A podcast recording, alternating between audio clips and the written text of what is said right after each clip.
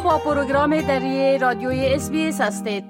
حال با جاوید روستاپور خبرنگار پروگرام دری رادیوی اس در جنوب آسیا. به تماس هستیم که اونا درباره تازه ترین رویدادها در افغانستان معلومات میتن آقای روستاپور سلام عرض می کنم خب گفتم میشه که در مورد کنفرانس تاشکند پیرامون افغانستان عکس های تبارز کرده.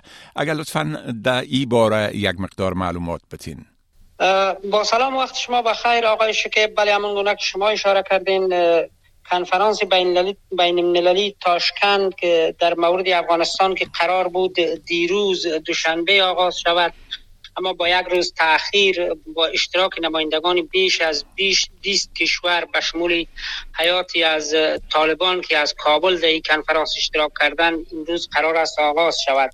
به گفته مقام های ازبکستانی در نشست روی جلوگیری از بحران بشری در افغانستان و در رابطه با مسائل اقتصادی و امنیت سرحدی بحث و گفتگو خواهد شد. اما این کنفرانس با واکنش های از سوی سیاسیون و عمدتا جبهه مخالف مسئله حکومت طالبان که جبهه مقاومت است امرا شده و سخنگوی جبهه گفته که طلا از هر تلاشی برای تامین صلح و ثبات در افغانستان حمایت می کنند اما به گفته او مقاومت از هیچ نشست استقبال نمی کند که در آن به یک گروهی به گفته او تروریستی و شورشی رنگ یادی و مشروعیت داده شود.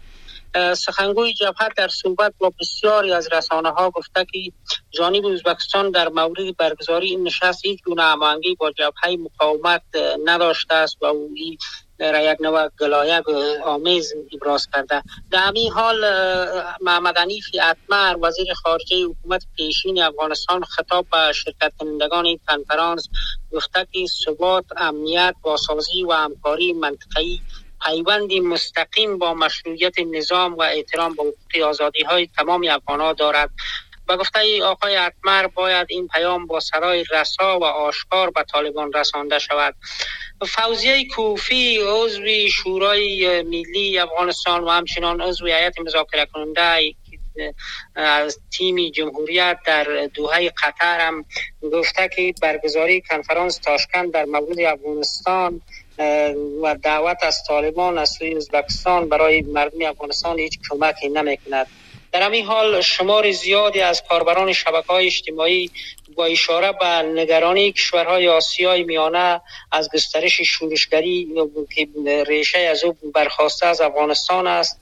ادعا یا اظهار کردند که کشورها این کشورها برای محفوظ نگه داشتن خود از افرادگرای نظامی جهانی و طالبان به گفته آنان رشوت می‌دهند. اما این رشوت دادن جلب رضایت کوتاه مدت یک نیروی نظامی است و در دراز مدت این مسئله بیشتر بر رشد افرادگرایی در منطقه کمک خواهد کرد نه به اینکه جلوگیری از افرادگرایی و تندروی کمک کنند این در حال است که در روزهای گذشته گروه طالبان تاجیکستانی اعلام موجودیت کردن و این زنگ خطری واقعا به کشورهای آسیای میانه است که در پهلوی از این شاید در آینده نزدیک گفته می‌شد که گروه افراطی ازبکستانی هم که در ولایت شمال افغانستان مستقر است برخی نیروهای از او هم اعلام موجودیت کنند و در حال آمادگی هستند. اما اینکه این نشست ها چی کمک می‌تونه کنه و هدف اصلی از این نشست ازبکستان چی است تا کنون مشخص نیست و امروز این نشست تازه آغاز شده. بله. خب گفتم شک که قربانیان سیلاب های اخیر شکایت کردن که برشان کمک های لازم نمی‌رسه بله. رسانه های محلی در افغانستان به نقل از سیلاب زدگان اخیر گزارش کردند که سیلاب ها در ولایت های کشور در چندین ولایت سرازیر شده و زندگی صدها هزار نفر را با وضعیت بسیار بدی سردچار کرده که بیشتر این سیلاب ها خانه و کاشانه مردم را از اونا گرفته مواشی هایشان از بین رفته ولی با گذشت سه چهار روز هیچ کمکی نه از سوی نهادهای مددرسان و نه هم از سوی حکومت سرپرست طالبا به این افراد صورت گرفته. در چند روز گذشته ولایت های میدان وردک، پنشیر، کنر، لغمان، پروان، لوگر، نورستان، ننگرهار، پکتیا، پکتیکا و غزنی از جمله ولایت های بودند که گواهی جاری شدن جاری شدن سیلاب های بسیار متوحش بود. که خانه باغ و زمین های زراعتی را در این ولایات بسیار آسیب زده است. شماری از سیلاب زده ها گفتن که در فضای باز به سر می‌برند و حتی پتو ندارند جز لباسی که در جانشان است. دیگه هیچی ندارند تمام چیزهایشان از سیلاب بوده. ولی نه حکومت و نه نهادها برای از یا هیچ کمکی نکرده.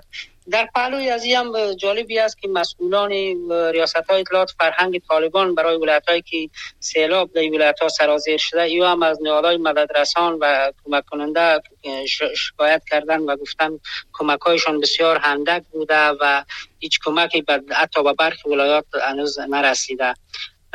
در حوادث اخیر که حوادث طبیعی سیلاب ها 455 خانه به طور کلی و قسمی طالبا گزارش کردند که ویران شده و بیش از هزار جریب زمین کشاورزی و 105 راست مواشی تلف شده. این آمار است که طالبا ارائه کردن اما منابع محلی گفتند که حتی تخریب شدن خانه ها زمین های زراعتی و تلف شدن مواشی ده برابر آن است که ریاست های اطلاعات فرهنگ طالبان به رسانه ها ارائه کردند بله. خب گفتم میشه که اداره تطهیر ماین ها گفته که قربانیان انفجار ماین ها افزایش یافته در اواخر. بله. مسئولان این نهاد گفتند که در پنج ماه پسین 83 تن که بیشترشان کودکان بودند در نتیجه انفجار ها کشته یا زخمی شدند. نوردین رستم خیل رئیس این نهاد نهاد انسجام هماهنگی و تطهیر ماین گفته که با سقوط نظام جمهوریت کمک های خارجی به این نهاد و دیگر نهادها که در بخش پاکی فعالیت داشتن خطر شده و در حال حاضر ساحات بسیاری در ولایات مختلف افغانستان است که ماین در آن ساحه وجود دارد و نیاز به پاکسازی دارد. آقای رستم خیل همچنان گفته که در یکصد گفته که 120 کارمند فنی نهاد به علت کمبود بودجه خانه نشین شده و پس از سقوط جمهوریت چهار بخش فنی این نهاد همچنان غیر فعال شده و چندین نهاد دیگر که در بخش ماین پاکی فعالیت داشتند مؤسسه بودند به صورت کلی یا کارشان مسدود شده. بر بنیاد آمارهایی که مسئولان این نهاد رایه کردن از نیمه سال 1399 خورشیدی تا سال 1400 خورشیدی که 646 تن در انفجار ماین ها جان باختن و 803 تن دیگر زخمی شدند این نهاد تاکید کرد که پس از سقوط جمهوریت و در جنگ های دو سال پسین دو طرف هم گروه طالبان و هم نیروهای اردو و پلیس جمهوریت در ساحاتی که درگیر جنگ بودن بیشتر از ماین استفاده کردن و ماین فرش کردن که بیشتر از 60 درصد ماین ها هنوز انفجار نشده باقی مونده و در روستاها و مناطق کوهستانی خطری بسیار جدی و غیر نظامیان است که بر توجه نشد بسیاری ها جانشان را به این هم میرن از دست خواهند داد و یا زخمی و معیوب خواهند شد. بله خب بسیار تشکر آقای روستاپور از این معلوماتتان و فعلا شما را به خدا می سپارم و روز خوش برتان آرزو می کنم. وقت شما هم خوش خدا حافظ ناصرتان. بپسندید شریک سازید و نظر دهید. اسپیس دری را در فیسبوک تعقیب کنید.